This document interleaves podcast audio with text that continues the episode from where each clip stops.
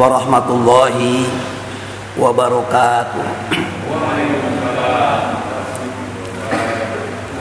الحمد لله رب العالمين والصلاة والسلام على أشرف الأنبياء والمرسلين سيدنا وحبيبنا وشفيعنا ومولانا محمد وعلى آله وأصحابه أجمعين أما بعد. Bapak dan Ibu hadirin rahimakumullah, alhamdulillah subuh ini kita kembali berada di masjid kita bersama-sama telah melaksanakan sholat subuh berjamaah. Semoga semua ini merupakan upaya kita mendekatkan diri ke hadirat Allah Subhanahu wa taala. Amin ya rabbal alamin. Saya akan kembali melanjutkan pembacaan kitab Al-Hikam karya Ibnu Athaillah. Akan saya bacakan beberapa paragraf beberapa Bismillahirrahmanirrahim. Nikmatani ma kharaja mawjudun anhuma wala budda li kulli mukawwanin minhuma nikmatul ijadi wa nikmatul imdad. Dua kenikmatan yang tak seorang pun dan tak satu pun seluruh makhluk yang ada di bumi seluruh ciptaan Allah terlepas dari dua kenikmatan itu.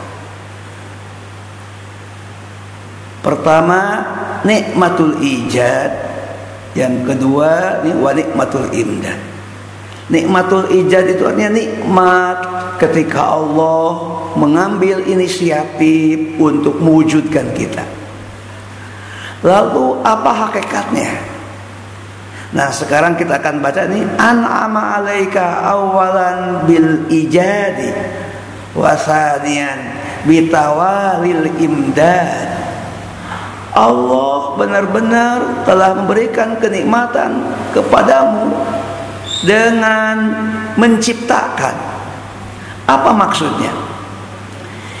Kita ini harus menyadari Al-Quran, As-Sunnah, al-Islam membimbing kita untuk menyadari bahwa kita ini sebetulnya tidak ada.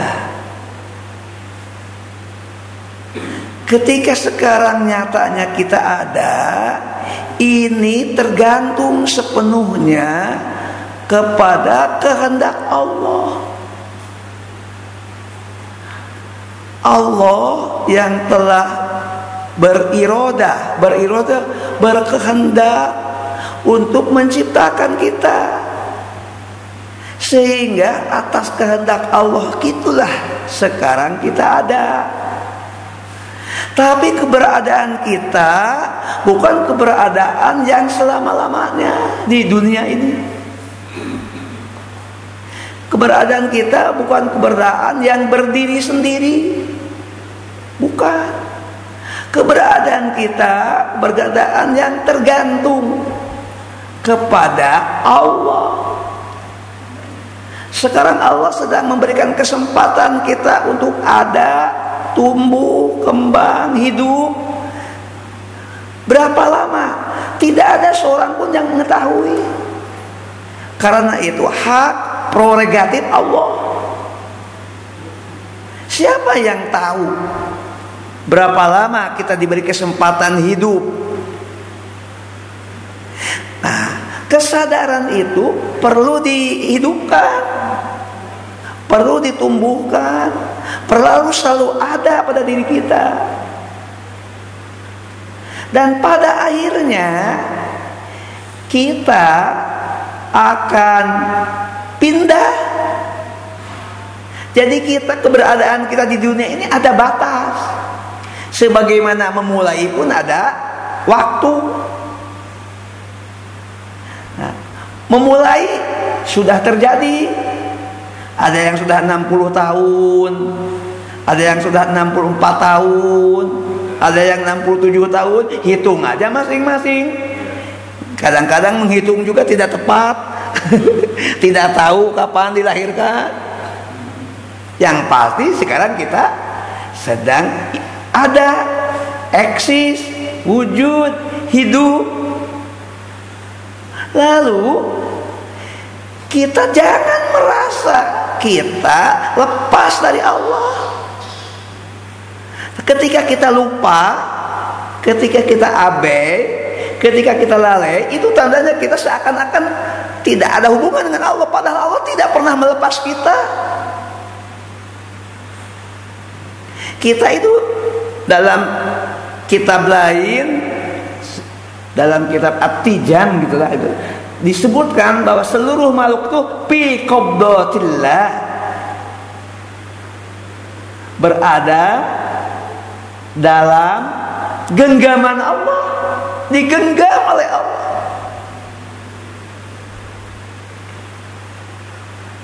Oleh sebab itu kita perlu menyongsong kenikmatan yang kedua kenikmatan yang kedua yang dirumuskan oleh Ibnu Athaillah itu yaitu nikmatul imdad nikmatul imdad itu kenikmatan yang diberikan kepada kita yang inti itu al imdad itu bantuan pertolongan dari Allah. Allah memberikan bantuan, Allah memberikan pertolongan. Kenapa Allah membantu? Kenapa Allah menolong? Karena Allah menyayangi ciptaannya. Jadi ini bantuan, pertolongan didasarkan kepada kasih sayang Allah. Yang disebut dengan rahmat, rahman, rahim. Karena itu kita perlu terus menghadap. Karena kita butuh sama Allah. Nah ini di dalam Al-Quran disebutkan cukup banyak. Salah satunya surat Fatir ayat 15. Bismillahirrahmanirrahim. Ya ayuhan nasu antumul fuqara'u ilallahi wallahu huwal ghaniyul hamid Wahai seluruh manusia kalian membutuhkan Allah sedangkan Allah maha kaya lagi maha terpuji. Butuh kepada Allah itu untuk apa? Seperti apa sih konkretnya menyatakan kebutuhan itu?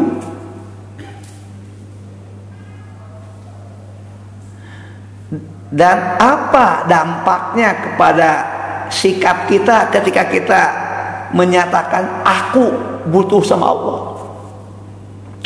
Pertama, kebutuhan kepada Allah itu dengan meyakini, dengan mengakui, dengan meresapkan tidak ada ilah selain Allah. Ini yang disebut dengan tauhid. Maka tauhid ini menjadi esensi ajaran Islam. Tidak ada ilah selain Allah. Ilah itu Allah yang menciptakan. Karena Allah yang menciptakan, maka hanya kepada Allah kita beribadah. Allah yang menciptakan. Yang dalam istilah Ibnu Athaillah sebut dengan al-ijad mewujudkan al ijad sama dengan al khalqo menciptakan halqon itu ciptaan atau makhluk. Itu. Jadi kokohkan tauhid di dalam rasa. Mantapkan supaya mengakar dalam jiwa. Bahwa tidak ada ilah selain Allah yang dirumuskan di dalam kalimat la ilaha illallah. Setelah ini kuat, mantap, meresap dan terus dihayati sehingga hayat hayat itu hidup maka melangkah yang kedua la na'budu illa iya tidak beribadah kecuali hanya kepada Allah. Diwujudkan dengan sholat. Sholat itu ibadah khusus yang terstruktur. Ada aspek luar ada aspek dalam. Aspek luarnya ada bacaan ada gerakan ada contohnya dari Rasulullah Sallallahu Alaihi Wasallam ikuti saja bacaan kuat saja gerakannya ikuti aja contohnya pada sunnah sunnah itu sabda Nabi, perbuatan Nabi, ketetapan Nabi, karakter Nabi, kepribadian Nabi, harapan-harapan Nabi. Lalu sholat itu ada aspek dalam. Aspek dalam itu dirumuskan oleh para ulama menjadi lima. Nah lima ini dari mana? Dari Al-Quran, sumber dari sunnah. Cuma dirumuskan saja, jadi supaya lebih terinci. Yang pertama tawajuh Tawadih itu menghadap kepada Allah. Diambil dari ayat yang berbunyi ini wajah tu wajia lillazi fataras samawati wal arda. Sesungguhnya aku menghadapkan wajahku kepada Allah yang menciptakan langit dan bumi. Jadi ketika sholat itu hakikatnya tawajuh menghadap kepada Allah. Nah kalau ini ada dalam perasaan, ada dalam kesadaran diwujudkan dengan gerakan yang mendukung tawajuh itu apa ngangkat tangan tanda berserah ucapkan Allahu Akbar tanda mengagungkan Allah. Buktikan dengan ruku tunduk. Buktikan dengan sujud. Itu tanda menghadap kepada Allah. Bahwa belum sejalan gerakan bacaan dengan perasaan. Jangan ditinggalkan terus dirawat setelah itu sholat yang kedua adalah dalam suatu ada munajat. Munajat itu memohon. Karena in, sholat itu menurut bahasa doa doa. Seluruh bacaan sholat itu doa. Memohon kepada Allah. Robik pilih warhamni warfani warjukni dan seterusnya itu memohon doa al-fatihah memohon. Doa iftitah memohon. Semuanya. Yang ketiga di dalam suatu ada namanya al-istislam. Menyerahkan diri kita kepada Allah. Lalu kita usahakan ketika menghadap, ketika dialog, ketika berserah betul-betul dengan mukhlisin alahuddin wa ma umiru illa liya'budullaha mukhlisin alahuddin. Orang beriman itu tidak diperintahkan kecuali ikhlas dalam beragama. Ikhlas itu bersih, jernih, bening, harapannya ingin dapat ridho Allah, ingin dekat dengan Allah, ingin dapat pengampunan dari Allah. Lalu mengerjakan khusyuk. Khusyuk itu ada kaitan dengan gerakan, gerakannya yang tertib. Ada kaitan dengan pikiran, pikiran yang tidak ke mana-mana. Ada kaitan dengan rasa, rasanya menghayati betul kita dekat dengan Allah dan Allah dekat dengan kita. Nah, inilah bentuk rasa syukur yang tertinggi. Jadi sholat yang kita lakukan itu bersyukur dengan sikap, bersyukur dengan perbuatan. Itu. Jadi Setelah itu apa lagi ya Allah? Maka Allah akan memberikan pertolongan. Ah, Allah berikan al-imdah. Orang ini oleh Allah akan dibimbing.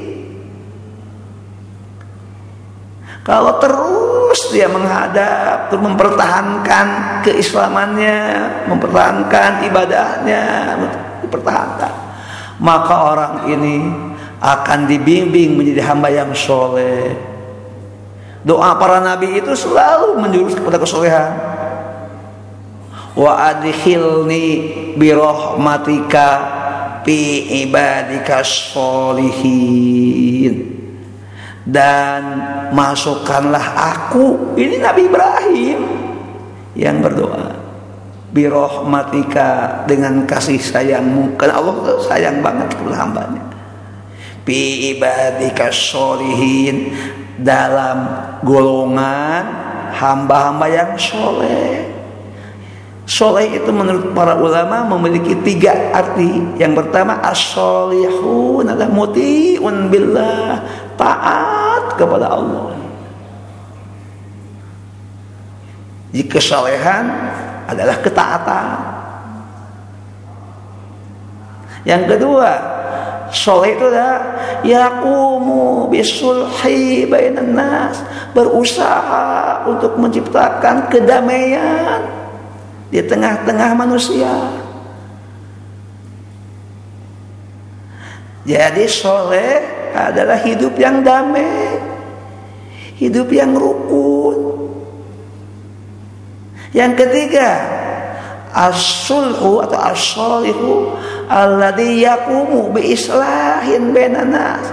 Orang yang itu selain taat, selain hidupnya damai, selalu berusaha menciptakan perbaikan-perbaikan. Perbaikan kualitas dirinya, kualitas keluarganya, kualitas anak-anaknya, kualitas sosialnya. Terus ya perbaikan kualitas fasilitas ibadahnya, fasilitas infrastrukturnya terus saja perbaikannya identik dengan membangun. Itu tanda apa? Itu tanda bersyukur. Subhanallah. Tidak cukup. Mana yang paling penting Yang paling penting kesolehan itu tadi taat kepada Allah dulu. Setelah itu baru menciptakan perdamaian dan perbaikan. Sebab kalau menciptakan perbaikan dan perdamaian itu bisa dilakukan tanpa iman. Bisa dilakukan pula tanpa masuk Islam. Karena itu menjadi kebutuhan kemanusiaan. Kita ingin ilahiyah dan insaniyah bertuhan berkemanusiaan. Gitu. Tuh. Bertuhan berkemanusiaan. Buat ya di, di dunia pasti hasanah dengan kemanusiaan itu. Tapi di akhirat nah, kalau kita hanya bertuhan ya betul dia punya keyakinan yang lurus kepada Allah. Tekun sholat. Tapi hidupnya di dunia Murat maret karena tidak akur dengan batur eh batur apa dengan tetangga dengan teman. Batur itu bisa berarti teman tetangga orang di sekitar kita. Begitu subhanallah. Ya. Apakah hanya itu? Tidak memohon pertolongan itu diwujudkan dengan berzikir dengan berdoa, dengan membaca Al-Quran, dengan memperbaiki kualitas dirinya, dan pertolongan itu ada juga pertolongan dengan cara subhanallah, yaitu bagaimana seseorang bisa melahirkan ihsan. Apa itu ihsan? Ihsan itu kepada Allah Rasul bersabda, "Anta budallah."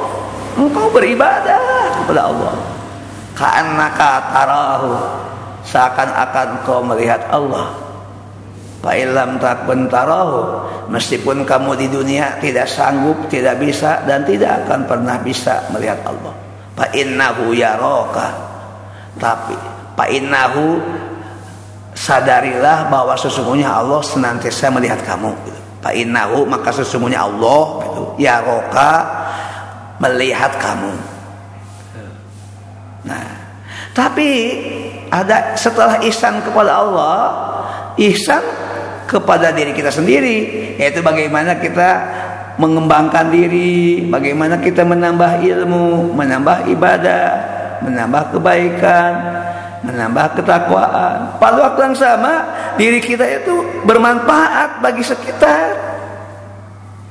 Jadi kebaikannya tidak hanya mandul fokus untuk dirinya tapi meluber. Apa itu meluber? Mungkin yang dimaksud adalah menjadi orang yang bermanfaat, menjadi orang yang berguna, yang punya kontribusi untuk tadi perdamaian dan perbaikan hidup orang banyak. Allah. Nah, ini saya akan bacakan uraian beberapa tentang uh, bagaimana nih nikmatul ijad itu yang memperkuat kesadaran bahwa kita butuh sama Allah. Ini ada uraian bagus, saya akan baca syarah komentar atau penjelasan. Ini akan saya baca. Bismillahirrahmanirrahim. Nikmatul ijadi al imanu. Nikmat tentang Allah telah menciptakan kita itu harus disikapi dengan iman. Tadi sudah direka. Wa mahabbatu ta'ah fi qalbika.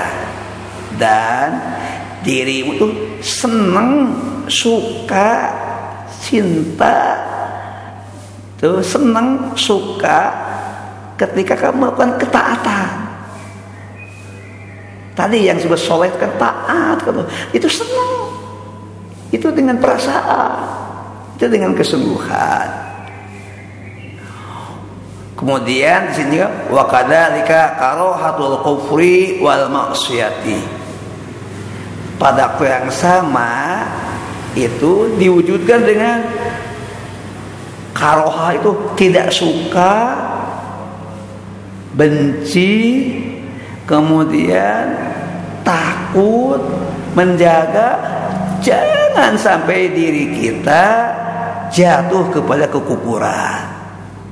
Karohatul kufri wal maksiati dan juga sangat khawatir, sangat takut, sangat hati-hati, tidak suka melakukan yang menjurus kepada kemaksiatan.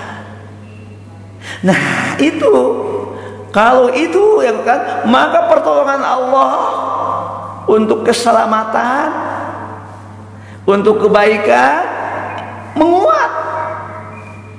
Jadi Allah akan memberikan pertolongan. Kapan pertolongan ini diperlukan sih? Sebetulnya lah setiap saat. Tapi ada satu momentum yang pertama ketika sakratul maut. Jangan sampai ruh lepas dari tubuh kita dalam keadaan kita maksiat dalam keadaan kita abai dalam keadaan kita lalai. Dalam keadaan kita membelakangi Allah.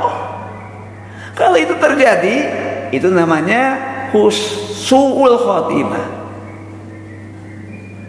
dan nanti ketika kamu berada di alam kubur itu kan kamu sendiri. Karena esensi manusia itu hidup itu puroda, pardon itu sendiri. Ada ayat Quran yang pendek gini bunyinya. Jitumuna furoda kama khalaqnakum awwala marrah. Kalian akan kembali, akan datang kepada kami sendiri-sendiri. Nah, ketika sendiri itu tidak ada teman. Saat seperti itu, ternyata amal kita, iman kita, kesalahan kita jadi teman.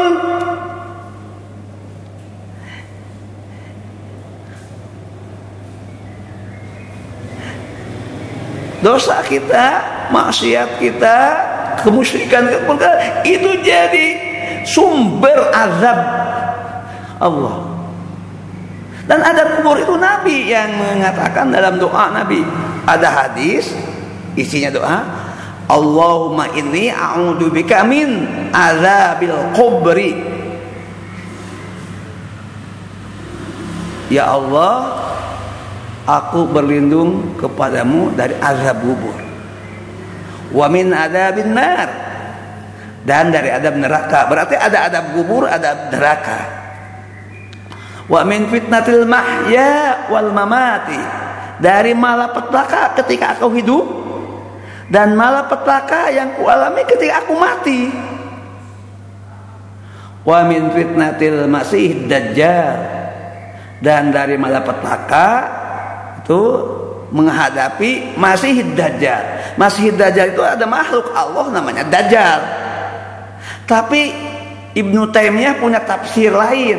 Ini uh, dalam kitab Al-Iman Ibnu Taimiyah punya tafsirnya Masih Dajjal itu pemimpin agama yang menyesatkan. Jadi kita berlindung karena itu nanti akan membuat kita mendapatkan pertolongan dari Allah. Apa sih pertolongannya? Yang paling dibutuhkan pada saat sakratul maut pada dikubur dan seterusnya pada di akhirat satu magfirah dapat ampunan. Dapat magfirah apa sih? Ampunan. Kedua dapat keriduan. Itu. Ampunan. Kedua keriduan Dua aja dulu, ampunan, keriduan. Nah, kalau ini didapat, kalau ini diperoleh karena tadi iman, ibadah, kesucian hati, ihsan, kesolehan tadi, maka akan dapat yang ketiga, kenikmatan. Ampunan, namanya magfirah arridha Allah suka. Dan itu Allah sebutkan dalam Al-Qur'an. Ya ayatuhan nafsul mutmainnah wahai jiwa yang tenang karena iman karena ibadah karena kesucian hati karena kesolehan tadi. Irji'i ila rabbiki Pulanglah kamu kepada Robmu. Pulang itulah dengan lepasnya ruh dari tubuh lalu kita wafat. Radiyatan Allah ridho kepada kamu. Maradiyah kamu diridhoi. Nah itu dan itu tidak bisa tanpa iman, tanpa ibadah, tanpa kesucian, tanpa pertolongan-pertolongan Allah itu. Kan ini dapat ampunan, magfirah, dapat keridoan. Lalu dapat kenikmatan. Apa perintah Allah kenikmatannya? Padkhuli fi ibadi. Masuklah kamu dalam kelompok hamba-hambaku. Hamba-hambaku itu siapa? Pertama nabiin, para nabi. Kalau pas di situ, kalau di situ tidak pas, siddiqin bersama orang-orang yang menjalani agama dengan penuh ke kebenaran ma'asyuhada bersama orang-orang yang kata-katanya perbuatannya menjadi bukti atas keyakinannya. Ada yang keempat as-solihin dengan orang-orang tadi yang taat yang damai yang selalu membuat kebaikan. Enakan itu dan itu kenikmatan menurut surat An-Nisa ayat 69 itu fadlullah itu karunia dari Allah. Jadi satu dapat ampunan dua dapat keridoan ketiga dapat kenikmatan. Itu semua adalah fadlullah karunia Allah. Gitu. Subhanallah Nah, coba kita lanjutkan dulu sampai uh, sedikit lagi saya ingin bacakan ini. Fa inna dzalika minan ni'amil 'azimah. Sesungguhnya itu merupakan kenikmatan yang besar. Ketika orang hidup diisi dengan iman, diisi dengan ibadah, diisi dengan kesucian hati, diisi dengan kesolehan, diisi dengan amal sosial, diisi dengan terus perjuangan sehingga mendapatkan ampunan, dapatkan keridoan, dapat kenikmatan. Itu nikmat yang luar biasa. Di ayat lain menyebutkan kalau seluruh harta seluas langit dan bumi kamu kumpulkan lalu kamu jadikan untuk menebus dosa, menebus kekurangan, tidak bisa. Jadi kalau gitu harta ini kalau dikumpulkan jangan sedikit seluruh langit dan bumi. Lalu untuk menebus kupur supaya jadi dapat diubah nggak bisa.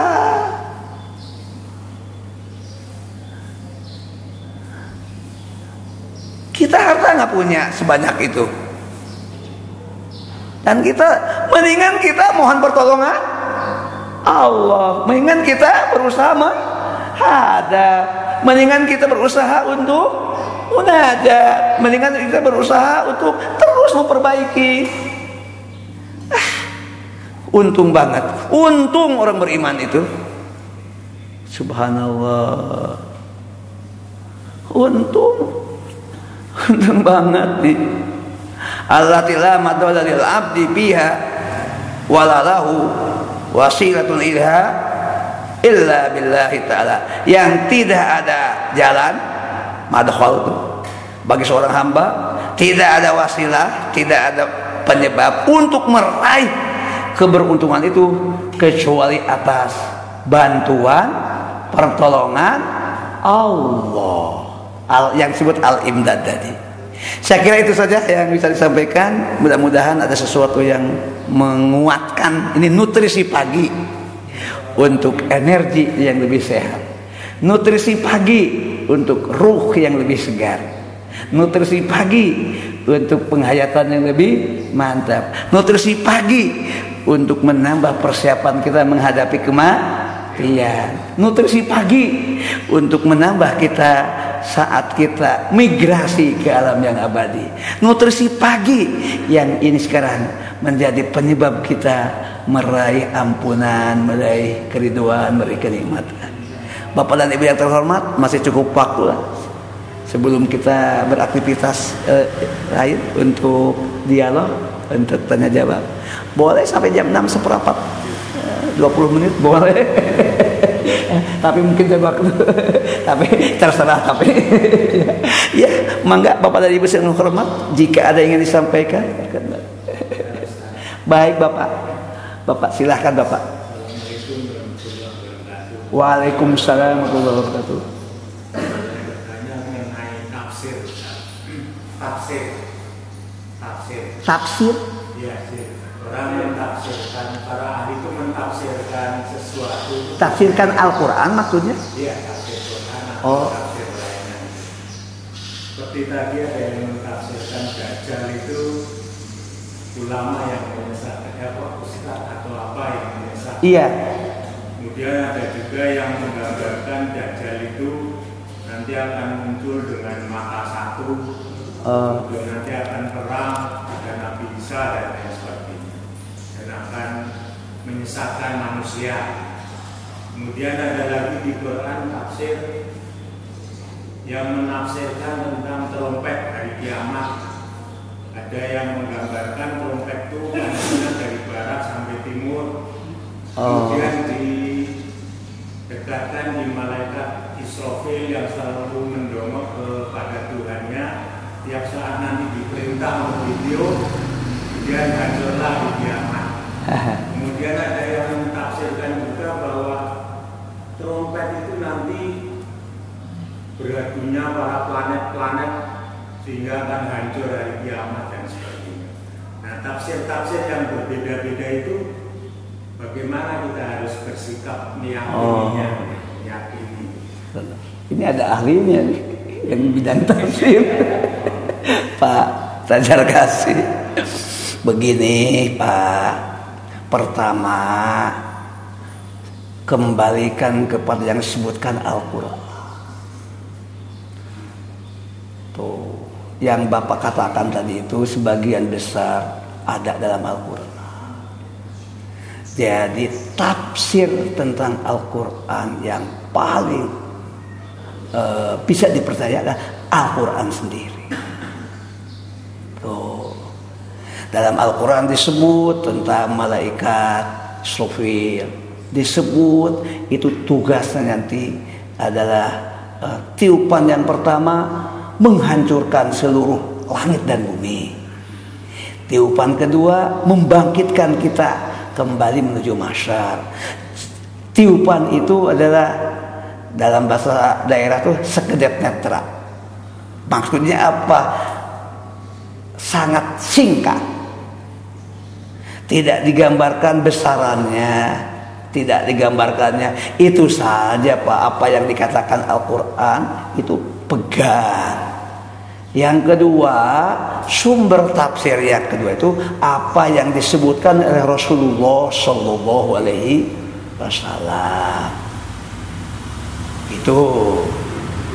Karena itu kita harus membaca Al-Quran harus berusaha membaca apa yang dikatakan oleh hadis-hadis yang sahih. Aman itu pak. Gitu.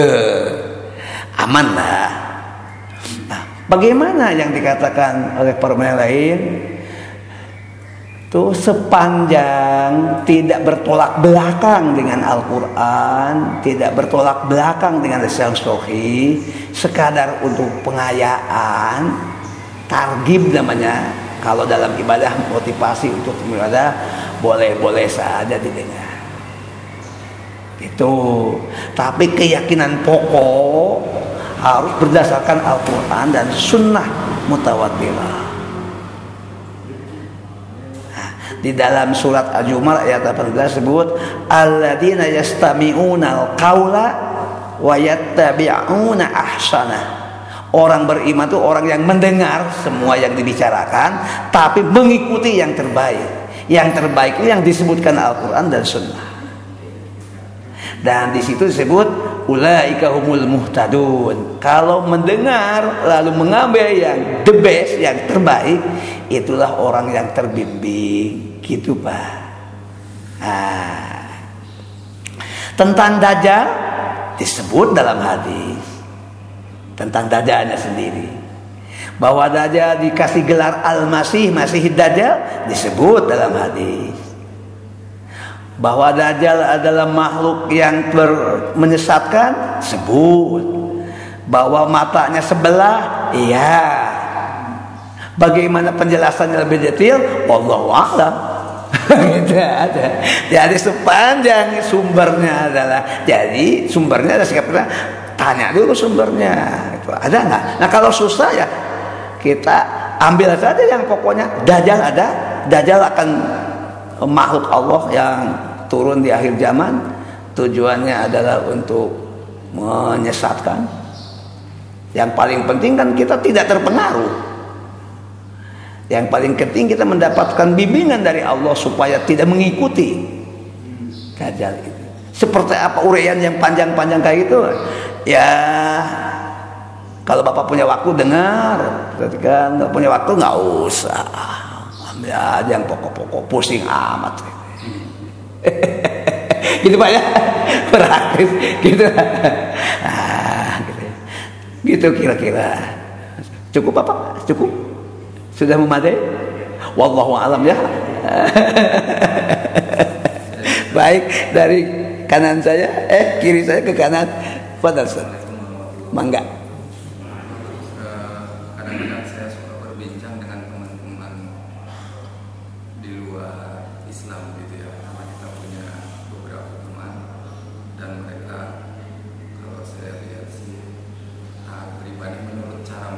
Apa agama mereka?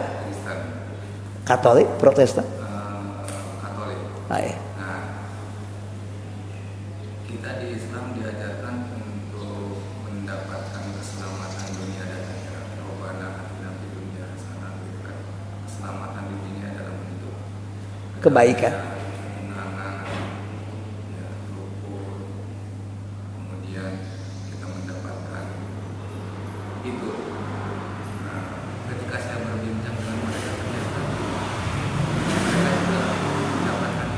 Iya. Jadi mereka merasa damai, merasa tenang. Saya juga merasa eh, hidupnya nyaman. Ya, nah maksud saya sejatinya Islam memandang mana sesungguhnya kedamaian dan kenyamanan seperti indah yang sejati itu apakah yang mereka rasakan atau yang kita rasakan gitu kan nah itu yang yang yang ingin saya dapat menjelaskan Baik Bapak. Pertama, yang beragama itu manusia. Muslim manusia, pemeluk Katolik manusia, pemeluk Protestan manusia, yang Buddha manusia, Konghucu manusia, yang tak bertuhan juga manusia, yang ateis, yang antagonis itu yang ragu tentang Tuhan ke manusia. Itu. Nah, manusia ini butuh dua. Satu butuh keselamatan. Makanya dalam agama apa pun nilai tertinggi itu dakul bala, menolak bencana. Semua tidak mau kena bencana. Semua ingin selamat. Semua. Ini lagi cerita semua agama nih. Dakul bala itu menolak bencana. Tidak mau celaka, tidak mau celoko. tidak mau rugi ingin selamat. Jadi nilai tertinggi dalam kebutuhan orang beragama itu selamat. Pak selamat itu disebut di mana-mana ya. Monggo Pak selamat. Satu. Yang kedua mendapatkan manfaat. Naf'an selamat. Dakul bala. Lalu memperoleh keberuntungan. Nah, ketika ini terpenuhi, damai perasaan. Kenapa? Merasa selamat, tertolak dari bencana, merasa mendapatkan kenikmatan. Bahaya tertinggi neraka. Semua agama Jepang pandangan itu. Kenikmatan tertinggi surga. Bisa saja orang mendapatkan itu. Oh, kalau itu dijamin, kamu dijamin dengan tebusan dosa tebusan. Kamu dijamin dengan membayar kepada romo, kepada pastor, kamu akan diampuni dosa. Jadi damai dia. Karena itu psikologi, itu kebutuhan psikologi. Oh, kamu akan mendapatkan sorga bersama Bapak di sorga. Damai dia. Urusan damai itu damai pak Karena psikologi yang beragama itu manu, manusia itu punya rasa, punya kebutuhan tadi. Tapi persoalannya siapa yang jamin? Ayo. Pak Jamin.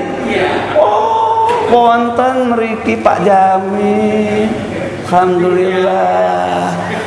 Wah, baru tahu saya.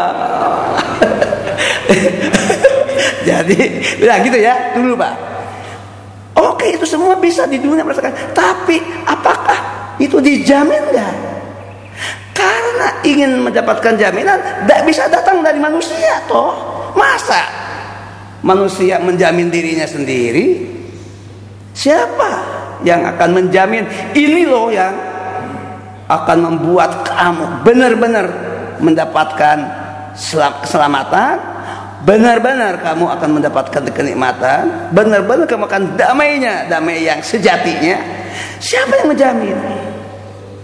Allah. Dan harus sejalan dengan ajaran Allah. Gitu. Allah yang menjamin. Masa menjamin dewek? Lah subjektivitas namanya kalau jamin dewek, eh, menjamin dewek menjamin diri sendiri ya. Udahlah pahamnya pakai bahasa daerah dikit gitu kan gitu gitu. jamin gitu. Ya Pak. Nah, harus jangan mengembalikan kepada Allah tapi bertentangan dengan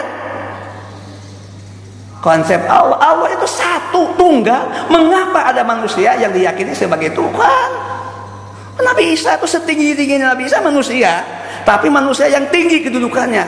Karena beliau seorang nabi seorang rasul Nabi Isa Rasul Isa. Beliau juga ulul admi kesebaran lahir dengan istimewa. Hidup dengan istimewa karena karunia Allah. Tapi tidak boleh Nabi Isa disejajarkan dengan Allah Siti Maryam terhormat. Mulia kita mengakui Siti Maryam adalah seorang wanita yang solihah bahkan sampai ke tingkat waliullah. Dapat karomah dalam Al-Quran. Ketika dia berada di dalam pemeliharaan Nabi Zakaria itu tidak ke mana-mana tapi setiap butuh buah buahnya yang datang. Bukan Siti Maryam yang cari buah. Itu dilukiskan banyak. Tapi tidak boleh diyakini bertentangan dengan nah ketika itu kan, kan maka kamu merasa damai di sini patah morgana kamu merasa damai, kamu merasa tentram, kamu merasa mendapatkan keselamatan, terhindar dari bencana, dapat kenikmatan, dapat surga, sudah merasa ahli surga. Kan kritik itu, eh orang Islam itu masih mudah-mudahan dapat surga. Mudah-mudahan kan kita selalu, tapi mereka katakan kami dijamin. Wah, kan juga begitu tuh omongannya. Nanti gigit jari, kapan terasa gigit jari? Sakratul maut. Siapa yang mengatakan? Allah. Di mana itu dikatakannya? Al-Quran. Cukup banyak. Begitu kira-kira lah. Jadi kita tidak bisa berdasarkan klaim berdasarkan pribadi. Harus dikembalikan kepada yang otentik dari Allah Subhanahu. Begitu kira-kira. Wallahu alam. ah, boleh lah. Uh, tadi ada kiri ada kanan ada tengah boleh kalau ada. Cukup Pak Damin biaya Pak? Sampun Bapak masih ada yang sampaikan Ibu? Cukup? Dari sini?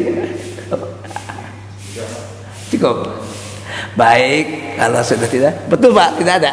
Cukup. Baik Bapak dan Ibu yang terhormat lebih kurangnya saya mohon maaf. Semoga Allah senantiasa membimbing kita dari pribadi-pribadi yang betul-betul merasakan dan menyadari kita adalah tidak punya apa-apa, tidak berarti apa-apa.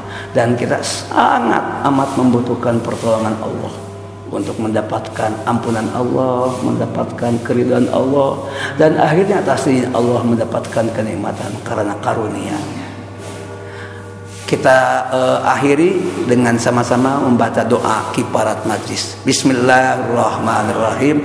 Subhanakallahumma wa bihamdika asyhadu an la ilaha illa anta astaghfiruka wa atubu ilaik. Walhamdulillahirabbil alamin. Hadanallahu wa iyyakum ajmain.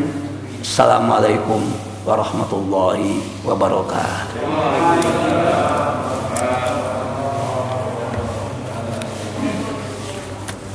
dipublish itu. Ya.